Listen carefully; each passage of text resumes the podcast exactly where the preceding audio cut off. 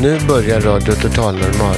Programmet där vi med erfarenhet av psykisk ohälsa säger vad vi vill.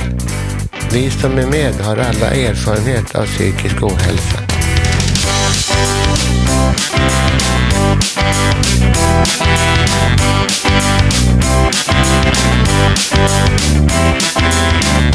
Du lyssnar på radio Total Normal. 101,1. Totalt normalt. Radio Total Normal, torsdagar från två till halv fyra. Vi livesänder med publik från Götgatan 38 i Stockholm. Kom hit och lyssna. Här är alla röster lika värda.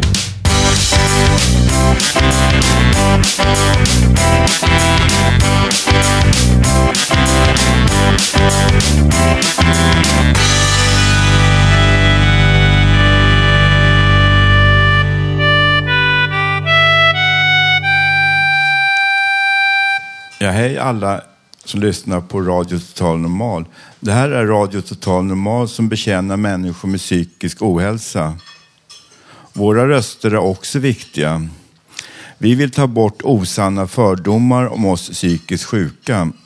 Våra problem numera är inte våra psykiska problem utan fördomarna. Andra människors fördomar mot oss har blivit vår sjukdom. Mycket beror på ren okunskap och på att massmedia förvränger bilden av oss. Idag har vi intervju som jag, Janne och Karin har gjort. Vi har gått ut på stan och frågat om skuldkänslor för att ta reda på hur man ska hantera sådana känslor. Vi ska ha en panel... Hörs inget. Vi ska ha en paneldebatt om vad Radio Total Normal är för, för någonting och vad radioarbetet har betytt för oss.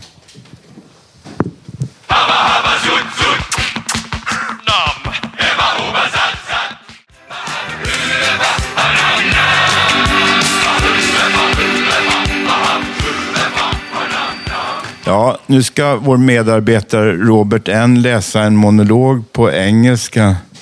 Varsågod Robert. Ja, jag har skrivit det här själv och det är från eh, grejer i min uppväxt och annat som är viktiga för mig. Och ja, det är på engelska så det handlar om mänskliga rättigheter för folk som oss. How is then my life? How- How do you become like me? A person like me? Well, I remember my first three or four Christmases that I had as an infant. We spent them at the cottage, cottage of Agda, a foster sister of, of my mother. The lady and the man she lived with had most of their life been living at a small cottage just, just outside Bålsta. And that was the only relatives of ours that we met regularly during the years in focus. And th- that was really important people for me during my, my upbringing. As I remember it, we met them even before I was pla- placed at the summer homes I had as a child. And now both of them are dead, and uh, the man survived the, the lady with some five or ten years, and we met him during Christmases for ten years ago, uh, just before he died. And what happens was that the coaches was very important for me, and of course they told me that even if they weren't real blood relatives, that we were, were, was going to get the cottage afterwards. But we didn't. I was at the funeral, but I didn't have, have the courage to confront the others at the funeral. So when they left for the traditional coffee after the funeral, I skipped that. I spoke to some lady who I never had met. I, I, I felt something for him, for her. I don't know what it was, compassion or something. She looked a little bit like me. I don't know who it was, but I thought, well, anyway, what hap- what happens then was that a friend of mine who who looks very like very much like like uh, the the guy Kalle. He had some relatives that he left the the house and the other things of the belongings for him to have. And I didn't understand where the, the where the things went or anything, but I didn't get almost nothing from them. And the problem was not the worth of the cottage or the sum. It was that I, I wanted to to feel that I I thought uh, that they thought that I was worth that. And well, well, well, okay, okay. Thank you very much, Robert.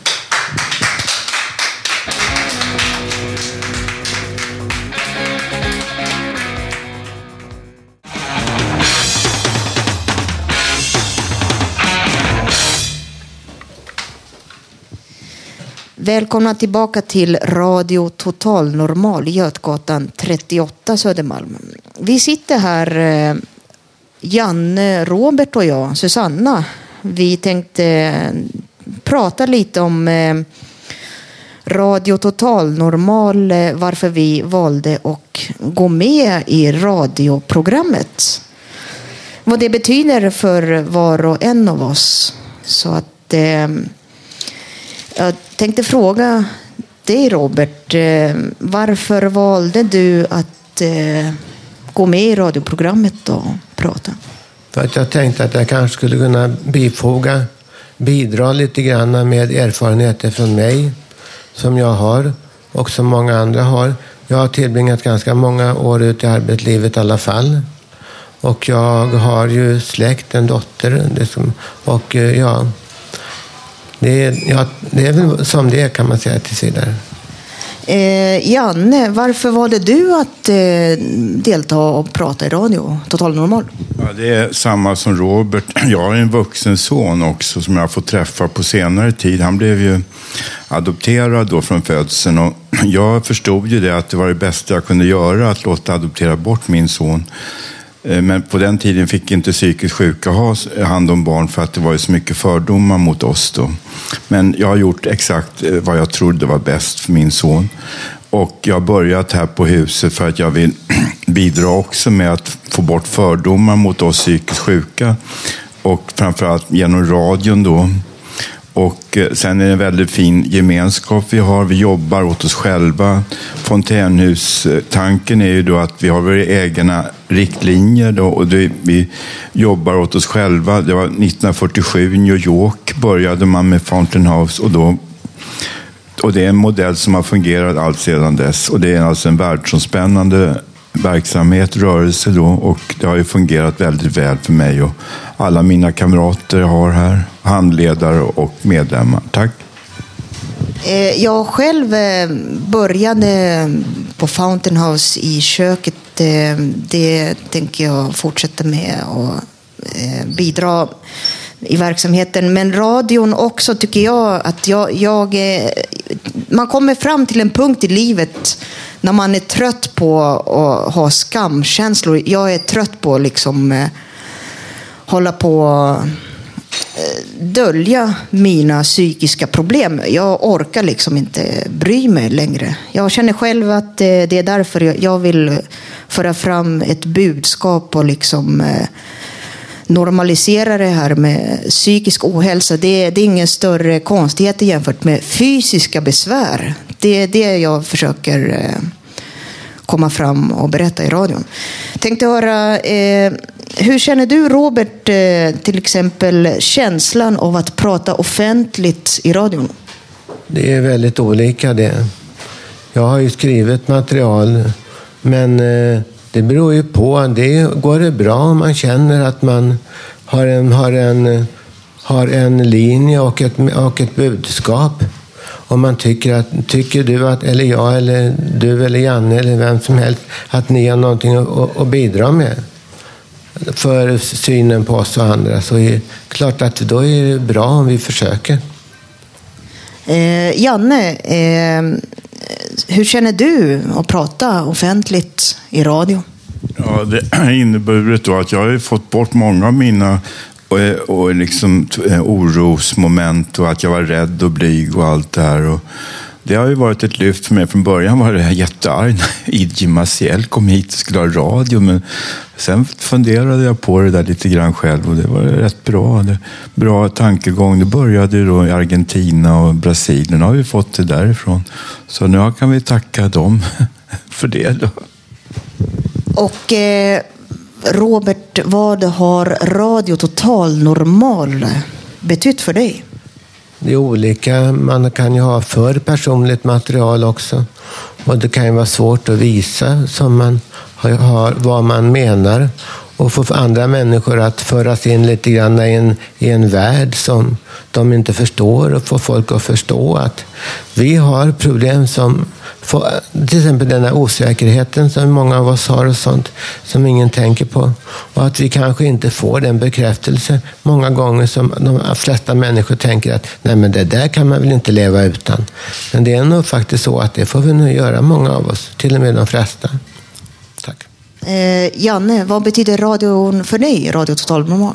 Ja, det är ungefär vad Robert har sagt också. att Man får ju Ja, om man inte blir omtyckt då får man lära sig tycka om sig själv. Då. Learn to love yourself, it's the greatest love of all. Och slutligen en sista fråga. Hur eh, förändrar vi samhället eh, med radion? Janne, vad tycker du?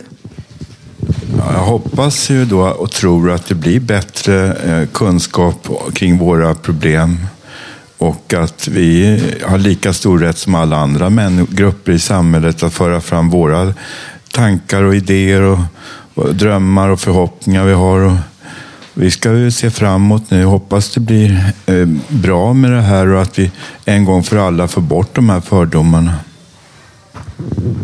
Eh, Robert, vad tycker du när det gäller eh, förändring? Hur förändrar vi samhället, tycker du, med radion?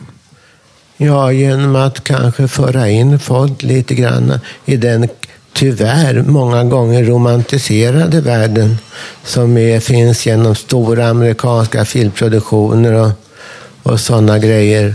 Och det verkar ju liksom att eh, folk verkar tro, många gånger, kanske speciellt i slutet på 70-talet och början på 80-talet, när stora filmer gick. Och det var eh, mycket romantiserat måste man säga, utan det kan vara ett rent helvete många gånger. Och, och för folk att förstå en sån sak och föra in dem i, i våran värld och förstå att vi är också människor, även om vi är ensamma. Det är därför man kommer hit också, för att man är ensam. Tack. Eh, jag tycker eh, själv det här med förändring av samhället, det, det är bra att vi som själva har erfarenhet också kan eh, vill prata i radio och så. Det, det är bra. Det finns ju en psykiatrins vecka en gång om året, till exempel i Stockholms län. Det är mera från landstinget och eh, vårdpersonal. Lite mer informativt, men det, det, det, är också väldigt bra att jag själv till exempel berättar. Knäcka fördomarna, helt enkelt. Då är vi... Janne? Ja. Ja, det, vi måste ju faktiskt kämpa för våra egna eh, eh, saker. Och vi får göra det på våra egna villkor. Och det var så det, tanken var från början med Fountain House. Att det var ju, de tänkte själva då, människor som blev utskrivna från stora mentalsjukhus i USA. Då, det, det är att de fick kände att det är ingen annan än vi själva som kan hjälpa oss och vi hjälper oss själva. Det, jag tror det. Hjälp till självhjälp då. Eh, för mig, radion, det är liksom... Eh, jag har själv märkt att det, jag orkar inte bry mig så mycket om... Jag låter kanske egocentrisk, men jag börjar köra mitt eget race och gör det som jag tycker är bra och träffar människor som är bra, följa känslan. Och det, är en, det är en stor grej att prata offentligt och det är om eh, väldigt privata saker. Som, eh, ja, men det är jättekul. Och sen tänk, jag tänkte höra här en publikfråga. Eh, ni som är i publiken. Hur tycker ni att det är att lyssna på Radio Total Normal? Håkan, varsågod. Jo, jag tror att eh, genom Radio Total Normal så tror jag att vi ökar förståelsen för de som har psykisk ohälsa. Att de inte är sämre människor än vad andra är. Det finns fördomar om oss. Att vi skulle vara eh, galna och skrämmande och eh, ja, hitta på en massa idéer som ja, inte tillhör normala. Men genom Radio Total så kan vi visa det. Att vi inte är de personerna som de tror. Att vi vågar gå ut och tala om sånt som är svårt att tala om när det gäller personliga delar och upp, uppgifter. Och jag hoppas att ni verkligen tar till er orden som lyssnar nu och inte bara tar det som ord utan värde. Som våra kära politiker gör många gånger. Hoppas att ni kan komma med idéer också och inte vara rädda och ta kontakt med dem som har den här psykiska ohälsan. För alla behöver ha en vän att tala med och bry oss om. Så ta hand om varandra istället för hela tiden bara pekan fel, fel, fel, fel. Titta på er själva, vad ni gör för fel. Tack för ordet. Eh, har eh, radion betytt något speciellt för någon eh, här i publiken eh, som eh, lyssnar? Är det någon speciell känsla eller någonting som man tänker på?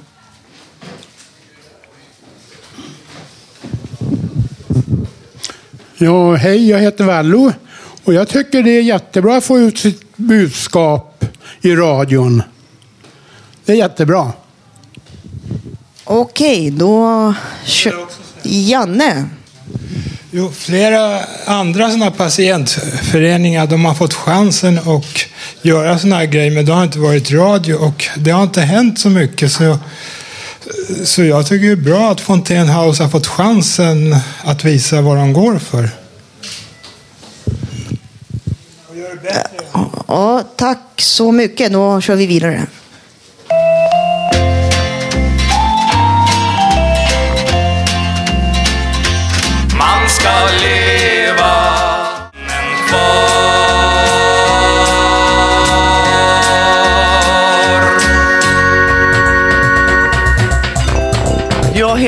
Ann-Marie Risberger. Och jag heter Lillemor. Vi brukar sjunga och spela i Radio Total Normal. Lyssna vet jag. Radio Total Normal.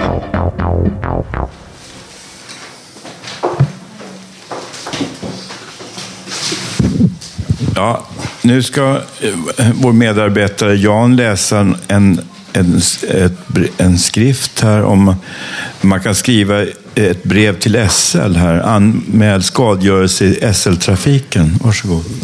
Jo, de har någonting som heter SL-upplysningen. Om, om man ser någon skadegörelse där så kan man anmäla det och man kan ringa till mig från tunnelbanan mobil och då kommer deras vakter och om det är någon som stör där. Och, och SL vill, vill veta vad folk tycker och tänker. Och, och, eh, och, de, och jag skulle prata om övervakningskameror. De har väldigt mycket övervakningskameror, SE. De finns nästan på varje station. Så, så de kan eh, när vi går på SE så vet de, om de vill, så kan de följa hela vägen. Men jag tror det bara polisen kan se dem där. Alltså, och de skiftar på dem. Och det finns några övervakningskameror vid Sergels torg. De finns lite överallt.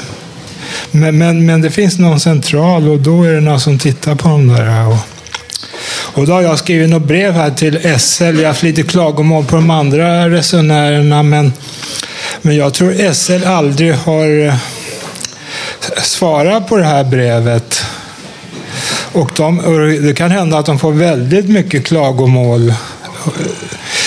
Det är, det är kanske en miljon resenärer varje, varje dag så, och med pendeltåg och massor. Så. Men, men eh, händer någonting där så kan man ringa direkt. Och då, så jag tror inte de där övervakningskamerorna gör så mycket nytta om det händer något. Det går så snabbt så. Och eh, och har de slagit ner någon, då försvinner de ganska fort. Så um, har man något klagomål så, och de brukar stå vid stationerna och ta, veta vad folk tycker och tänker. Och,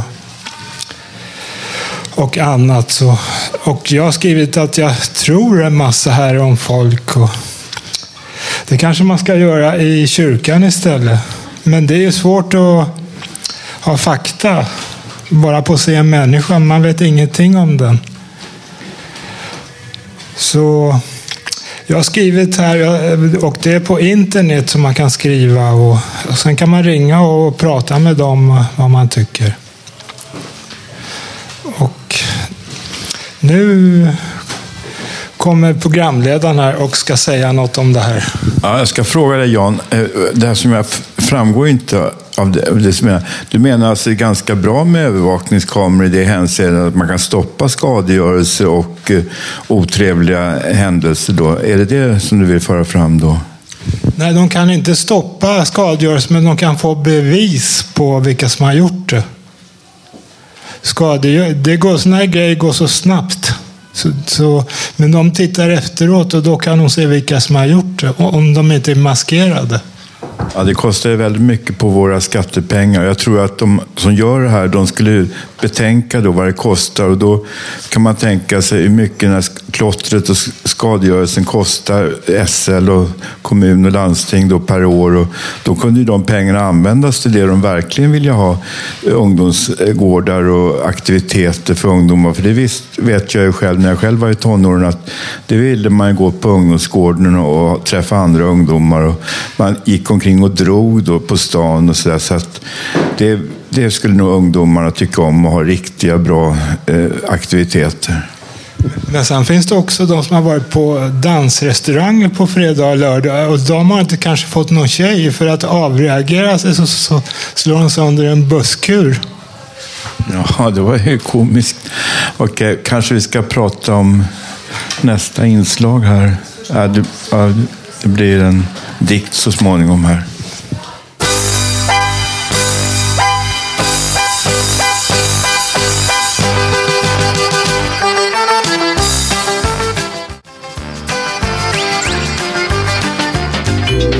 Poesi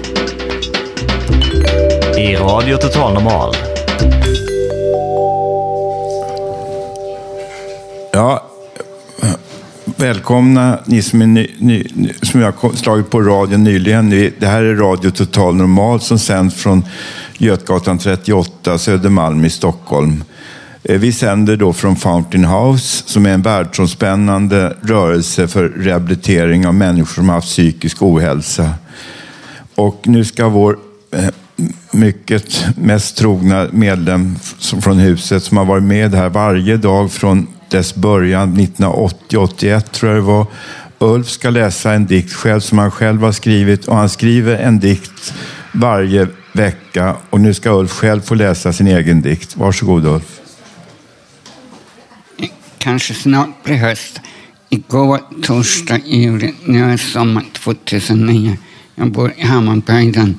Mitt fartyg reste 1969-70. Jag arbetade på båten kom till Hamburg, Tyskland, Antwerpen, Belgien. Jag var på en Sydamerika. Men nästa år, 2010, midsommar och juni. Natten mörk, månkväll, månen lyser, stjärnan blinkar. Påsk, vår, vår, april. Kanske imorgon i lördag och till fredag 31 juli.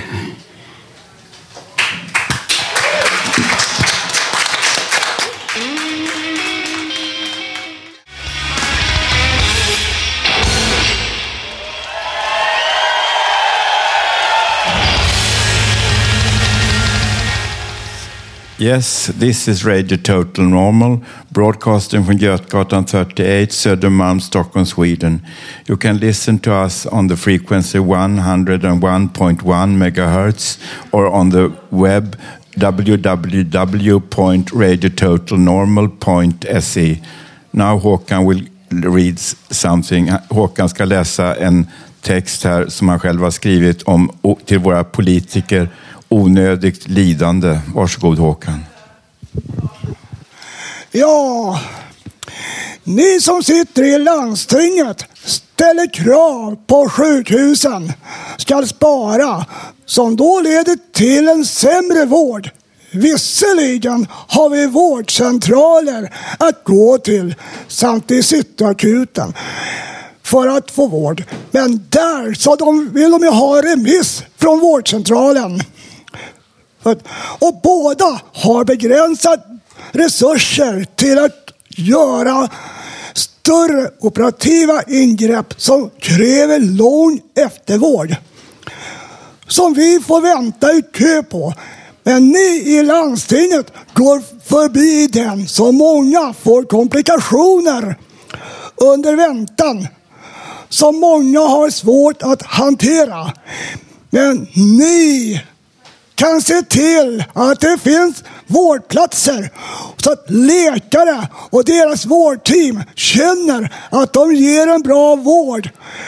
Då krävs det att ni inte bara tänker på pengarna och låter sunt förnuft råda. Då bidrar ni med att vården blir bättre samt alla som vårdar känner att de gör en bra vård till alla.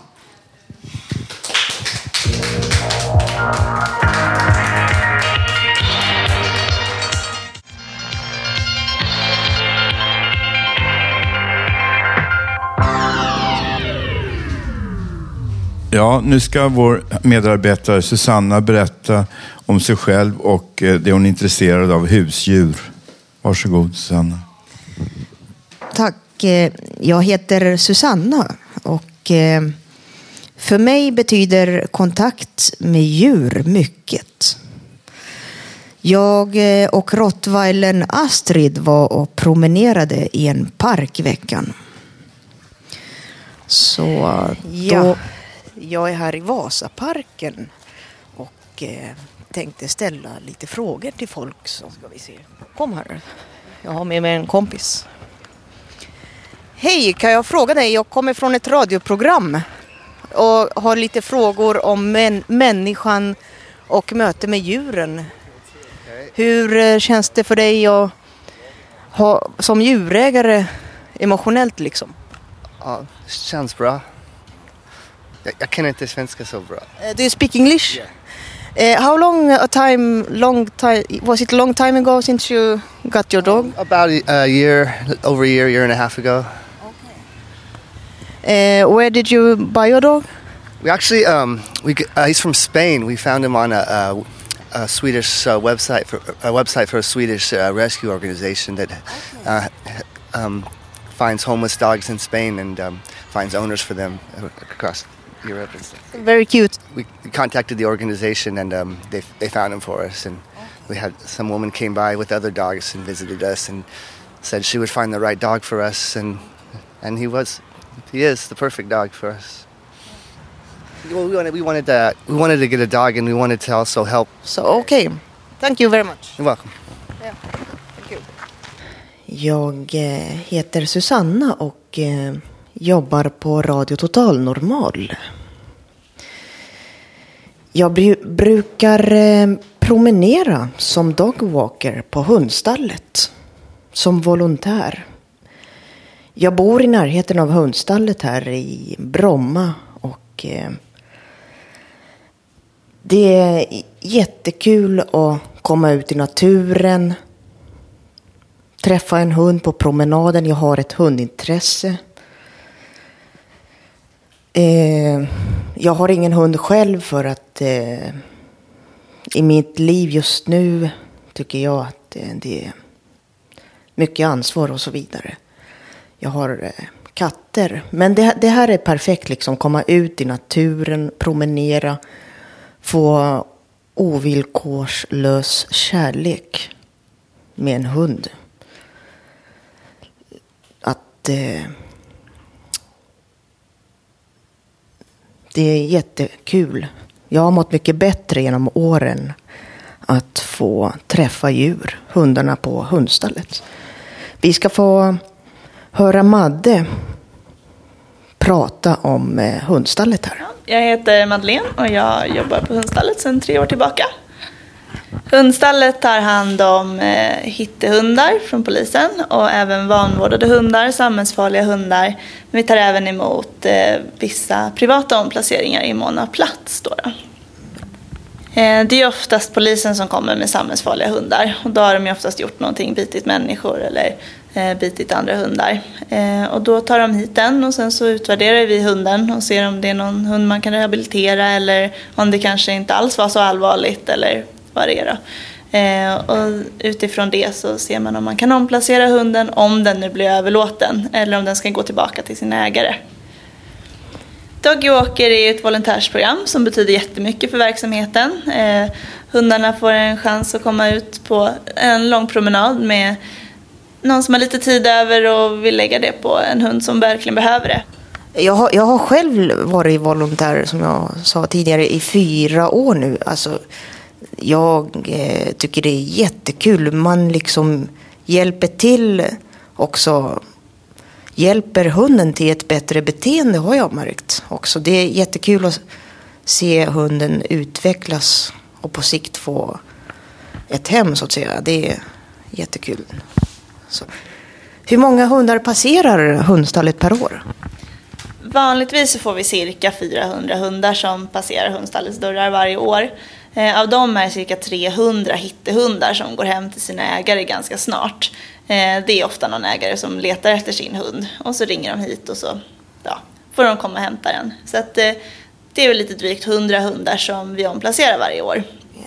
Finns det någon typisk hundras eller den typiska hunden som ni har sett genom åren här som finns på hundstallet? Vår vanligaste gäst är ju en stor hanhund, eh, blandras med någon av de stora bruksraserna. Eh, dobermann, schäfer, rottweiler blandning. Eh, hundar som kräver lite mer. Lyckas ni placera alla hundar som ni får in? Det finns ett hem till alla hundar. Eh, enda gången vi avlivar hundar är om, om de är väldigt aggressiva och det inte går att rehabilitera dem och eh, placera dem i nya hem och känna sig säker. Eller om de är väldigt sjuka och inte mår bra. Ni tränar ju mycket på att ändra beteenden och så vidare. Det är bra med ett exempel om en hund kanske mm, gör utfall. Hur, eh, vad beror ofta på att en hund gör utfall och hur kan man träna bort det eller lindra det på något sätt? Vi utvärderar ju alla hundar och ser varför just den hunden eh, beter sig så. Eh, och då, så det är ju väldigt individuellt hur man arbetar med en sån hund. Men ofta så är det ju rädslor för andra hundar. Och då måste man ju gå till botten med det problemet och det är ju stärka hundens självförtroende i hundsammanhang så den inte känner sig osäker och rädd och trängd när den möter andra hundar på promenaden. Eh, och vi jobbar mycket med, eller vi jobbar med positiv förstärkning. Så vi undviker korrigeringar i det längsta. Vi vill stärka hundarna så att de känner sig trygga och lugna och säkra. Så att det, det är mycket godis, boll och lek och berömma de bra beteendena och ignorera det negativa så långt det går. Var det inte så, jag, förr i tiden, jag tror att det var liksom att man, eh, just det här med positiv förstärkning, det är ju väldigt bra för människor också, positiv förstärkning och hundar. Men förr i tiden var det så att det, det här eh, tillrättavisandet och så, det var mycket så förr. Var det så? Ja, det tror jag. Jag tror att positiv förstärkning har utvecklats väldigt mycket på senare år. Och man märker ju att om man enbart korrigerar bort ett beteende då kommer det gärna tillbaka eh, ganska snart. Det kanske är borta i några månader men sen får man snart tillbaka det för att hunden är fortfarande rädd bara att den har blivit tyst. Eh, men ändrar man hela grunden till beteende, det negativa beteendet då får man en långsiktig lösning istället. Ja, eh, jag går här i Vasaparken och eh, tänkte prata lite med folk vad de tycker om eh, välbefinnande och eh, djur. Hejsan, har du tid en stund? Jag kommer från en radiokanal, Radio Total Normal, om psykisk ohälsa. Jag har gjort lite reportage om eh, välbefinnandet med människan och djur. Har du några djur hemma? Nej, det har jag inte. Har du någon åsikt om eh, mötet eller kontakt med djur, hur det påverkar människor? Oj, jag tror att eh, kontakten med djur kan vara väldigt positivt. Att eh, en, en varelse att ta hand om och en som bryr sig om dig också. Precis, ja, det är jättebra. Det är verkligen. Tack så mycket då. Tack. Har du djur själv? Ja. Vad har du för djur? Nymfkacador. Åh, vad kul. Eh, hur länge har du haft dem? Tre år. Eh, när det gäller till exempel eh, sjukvården, vad tycker du till exempel om man kan eh, engagera sig mer i att ha djur i, som behandlingsmetod? Eh, jag är inte överdrivet insatt i det så jag har väl ingen åsikt direkt, men om det funkar så varför inte? Ja, precis. Tack så mycket. Tack. Jag eh, sitter här på en bänk med eh, Astrid. Som är en rottweilertik. Väldigt trevlig. Fin eh, rottweilertik. Väldigt mysig att ha att göra med. Hon är äldre och eh, har varit här på hundstallet ett tag. Och väldigt mysig att ha att göra med. Vi tar en liten paus här. Vila lite emellanåt. Vi tar det lite lugnt idag. Astrid och jag. Så att, eh, ja. Ja, vi fick höra eh, reportage och lite inslag här när jag var på stan också sen eh, om hundstallet. Eh, är det någon här i publiken som eh, tycker det här med djur har betytt något i ert liv? Då går vi fram till Vallo här. Hej!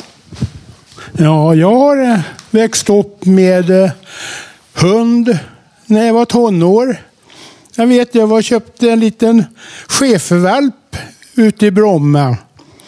Med slokande öron och jättegullig var han. Och eh, han blev 14 år.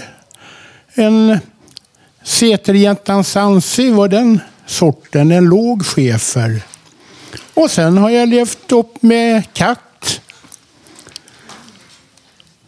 Som en hankatt. Han blev 16 år. Och han heter Tiger. Okej, tack. Eh, ja, då ska vi fråga Håkan här. Ja, min eh, flickvän som jag är ihop med nu, hon hade, eller rättare sagt hennes mamma ägde den, men hon blev så sjuk så hon tog hand om en bisong. Och den var jag mycket populär med. Jag var ute mycket med den.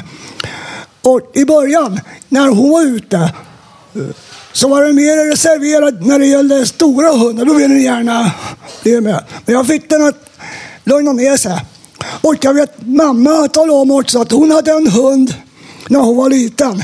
Så varje gång eh, hon slutade i skolan så sa min mormor till henne Hippi, nu sluta haja snart. Hunden rusade ner till skolan och även de som var hundrädda tyckte att det var så de reagerade inte att det var en hund som kom. Det blev precis som att det var en kamrat som kom och mötte henne i skolan. Hon likadant följde med till skolan också. Så, så jag tror att ni som är rädda för hundar, vill jag gärna ge ett tips. Bästa sättet är att ni skaffar en hund själva, tror jag.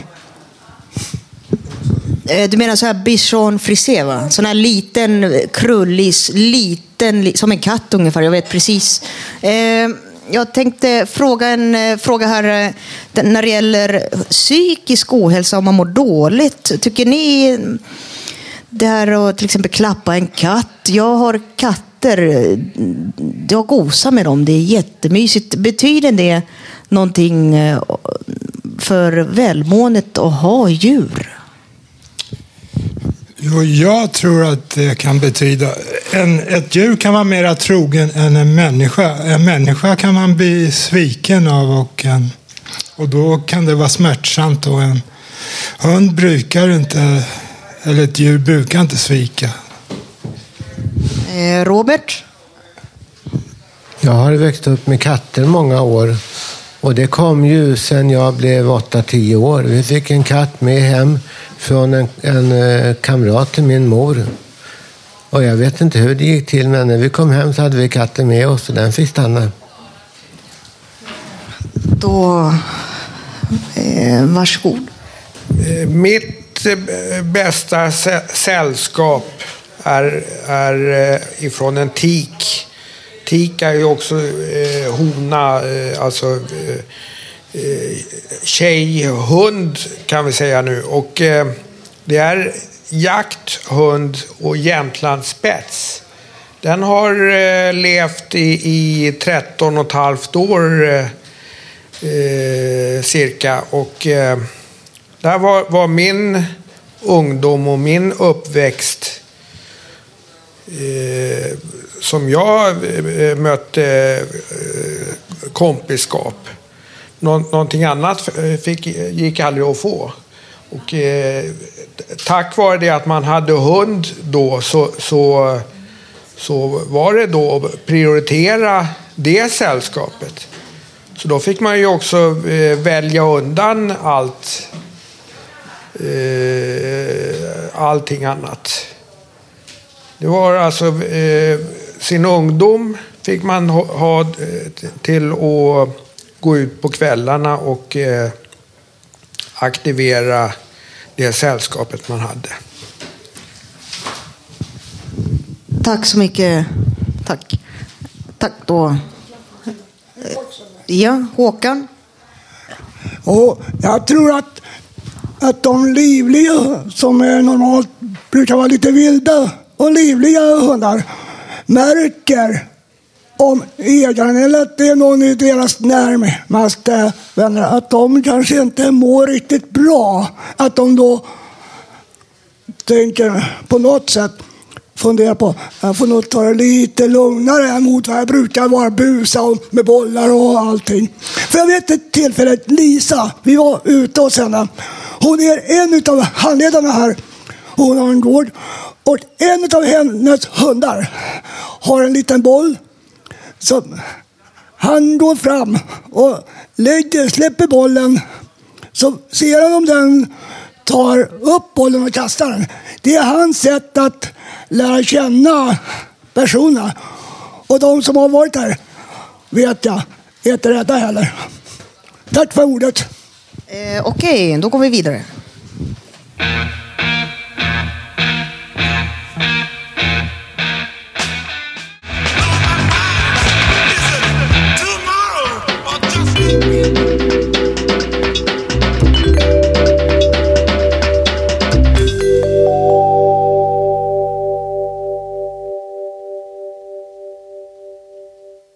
Hej, jag heter Karin Lundgren och jag ska läsa en dikt som jag har skrivit själv och den heter Gatflickan. Nog kunde jag väl stanna om du mig därom bad. Nog kunde jag väl vila hos dig ett litet tag. Men jag har ingen garanti att ge dig i ditt svärmeri. Nog kunde jag väl vara den kvinna du höll kär. Nog kunde jag väl skratta och le åt allt du sa. Nog kunde du väl lova att inget mer vill ha. Men jag har ingen garanti att ge dig i ditt svärmeri. Nog kunde jag väl stanna om du mig därom bad. Men ute blåser nordanvind, så kall och dyster mot min kind, och kylan hugger kinden röd, och kärlek är mitt levebröd. Nog kunde jag väl vila vid mörk och månans sjö. Nog kunde jag väl vaka tills dess du sagt adjö. Men jag har ingen garanti att ge dig i ditt svärmeri. Nog kunde jag väl stanna en liten stund därtill. Där månen lyser på min hud tills eldens flamma brunnit ut. Nog kunde jag väl vänta tills nattens lek tog slut. Men jag har ingen garanti att ge dig i ditt svärmeri. Nog kunde jag väl vara den kvinna du höll av. Nog kunde jag väl lova att aldrig lämna dig. Nog kunde jag väl visa vad kärlek är för mig. Men jag har ingen garanti att ge dig i ditt svärmeri. Nog kunde jag väl vara den flicka du vill ha. Men ute blåser nordanvind, så kall och dyster mot min kind. Och kylan hugger kinden röd, och kärlek är mitt levebröd. Radio Total Normal 101,1 torsdagar 14 till 15.30 totalt normalt.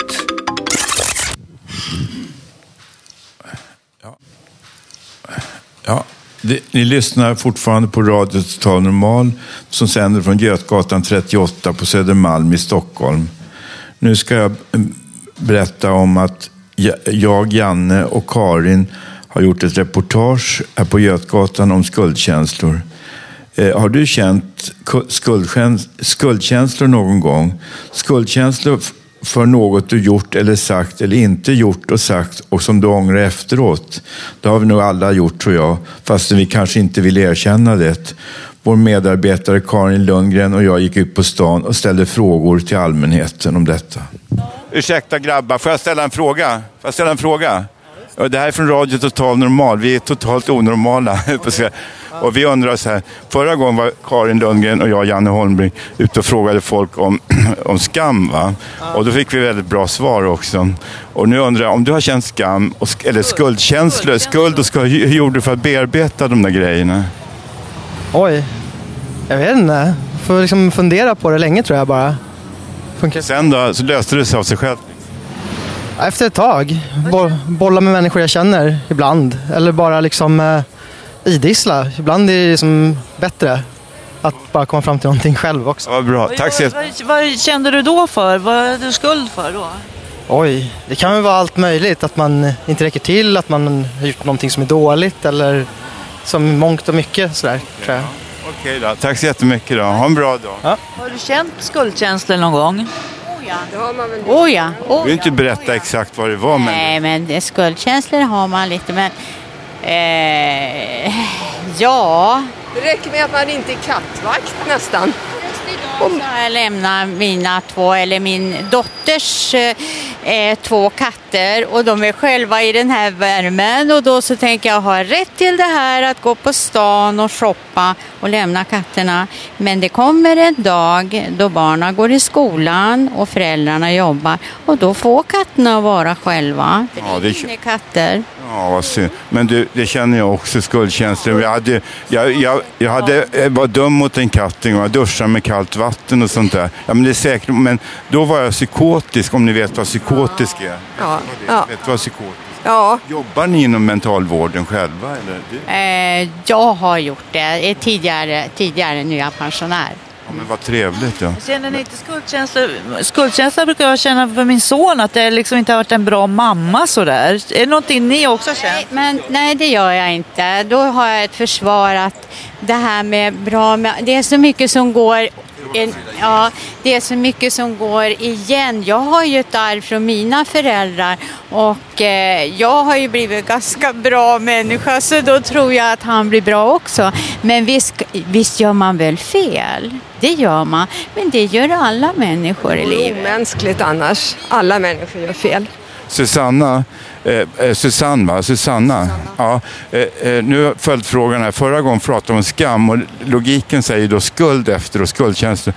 Har du känt skam och sen skuldkänslor? Och har du kunnat bearbeta dem sen? Skam och skuld brukar ofta hänga ihop. Eh, Jag har haft mycket skam när jag har mått som sämst. Allting jag gör, skuldkänslor, gjorde jag fel och jag bokade en kryssning här. Jag fick skuldkänslor, har jag gjort fel, men jag kan inte åka av hälsoskäl liksom. Jag, jag mår inte bra fysiskt.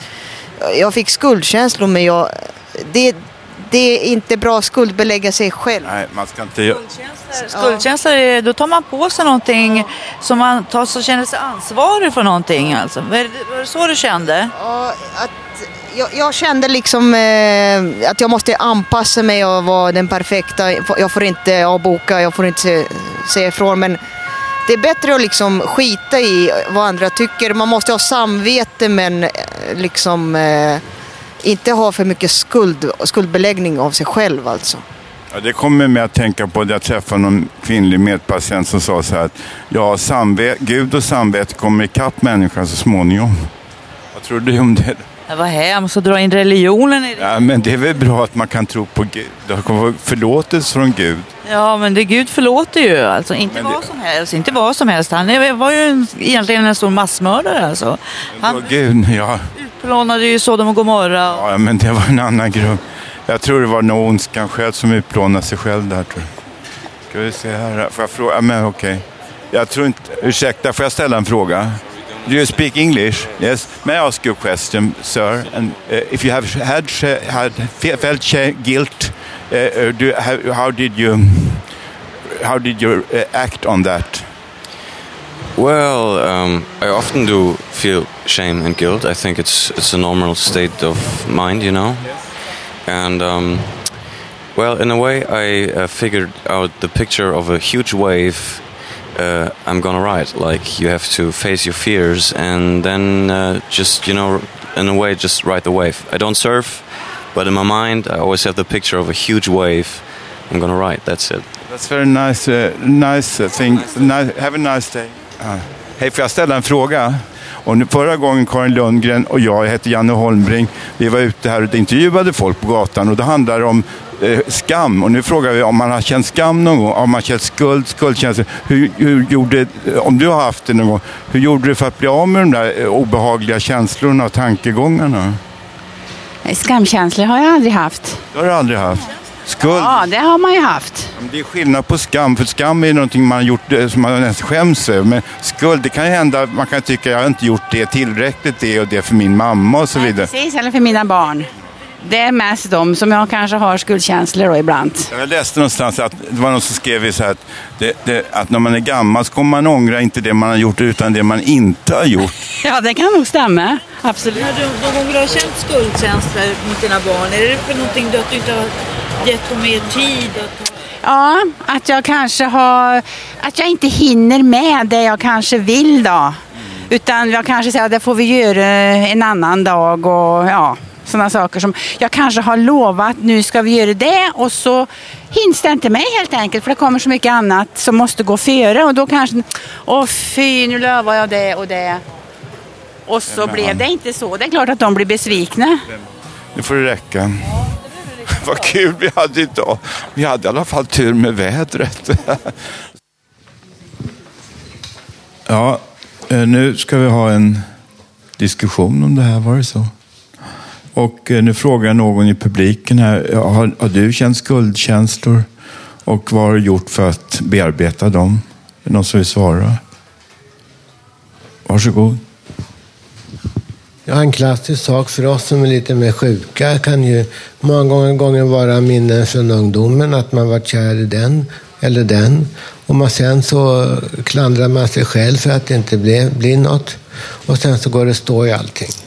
Men eh, ja, sen är det väl det att vi kan skämmas för att vi tycker att vi är för annorlunda. Och det ska man naturligtvis inte göra. Utan det första man ska göra är att försöka hitta det och det är bra hos dig.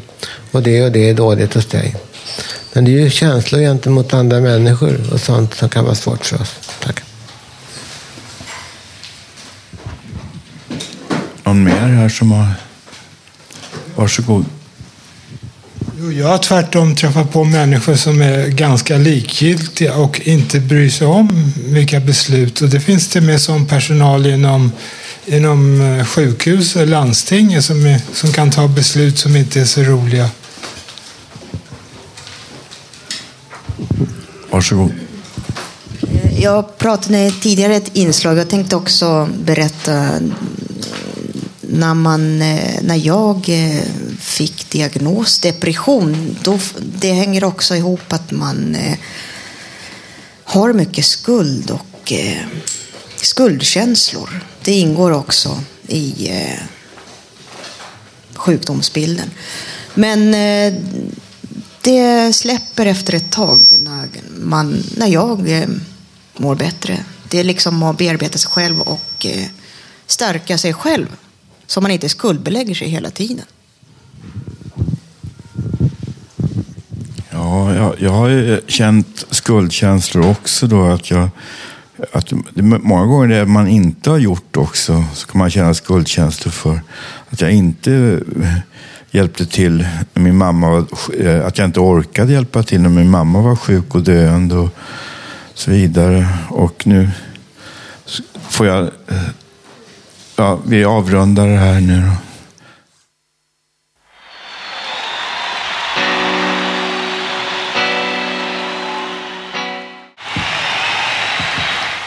Ja, det här är Radio Total Normal och nu ska jag be Vallo ska få läsa någonting han har skrivit här som jag tycker är väldigt viktigt att föra fram. Ja, hej. Eh, jag har ett allvarligt budskap och det är med statistik med.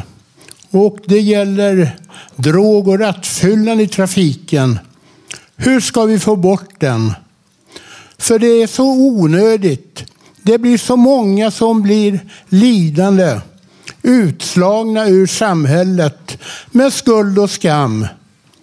För varje timme kör 525 personer, rik som fattig, onyktra i Sverige. Vad blir det inte under ett år?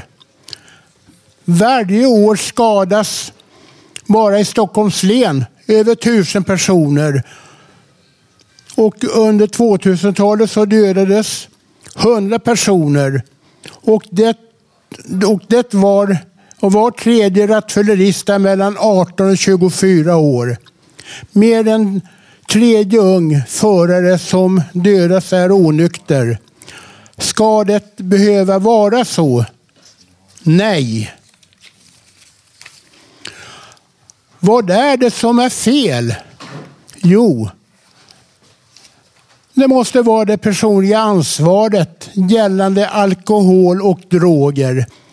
För var och en, ung som gammal. Jag vet vad jag talar om. För jag själv blev pårammad av ett rattfyllo för över 30 år sedan. Och det mitt på dagen under arbete. Men jag kom undan med blotta förskräckelsen. Med stressrelaterad psykisk ohälsa som följd av denna traumahändelse. Jag tycker ni ska skärpa er och inte köra fulla. Ha en bra dag. Tack. Direktsänd radioshow producerat av oss med erfarenhet av psykisk ohälsa.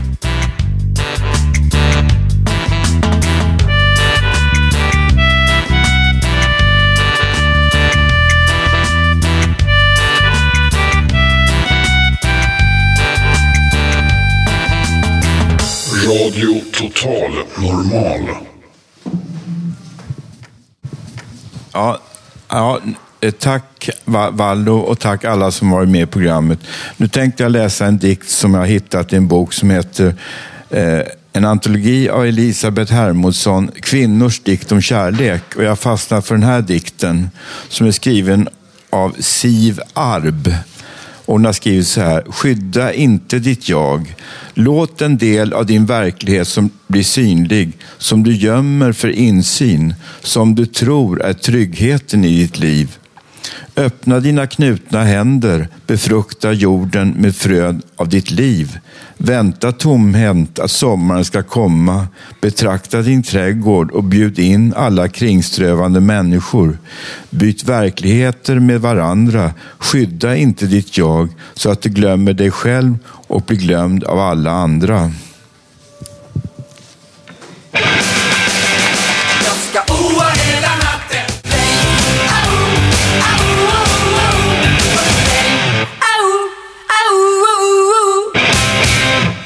Nu har Vallo och Hanna dansat jättefin eh, dans här och nu ska jag bara avsluta med att jag ska läsa en dikt som jag själv har skrivit och den skrev jag den 28 juli 1992. Borta alla mina ord var och i själen finnes kvar den gnista som livet tände Trots allt ont som hände har mitt rätta väsen återkommit och på vägen har jag kvar en framtidslycka.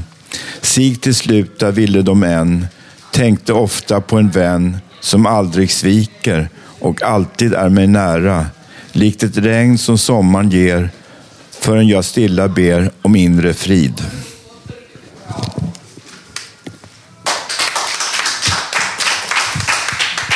Ja, ni har nu lyssnat på Radio Total Normal som sänds från Götgatan 38 på Södermalm i Stockholm varje torsdag mellan två och halv fyra. Vi har pratat om skuldkänslor. Jan har pratat om kameraövervakning. Vårt tema är alltid att vi ska få bort fördomarna kring oss.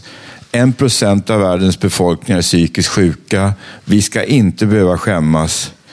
Musikläggare har varit Torbjörn och Håkan, tekniker Leni Günther, producent Hanna Samlin och jag som är programledare heter Janne. Ta vara på varandra. Var rädd om medmänniskan så länge du har henne på vägen. Och lär dig livets största gåta. Älska, glömma och förlåta.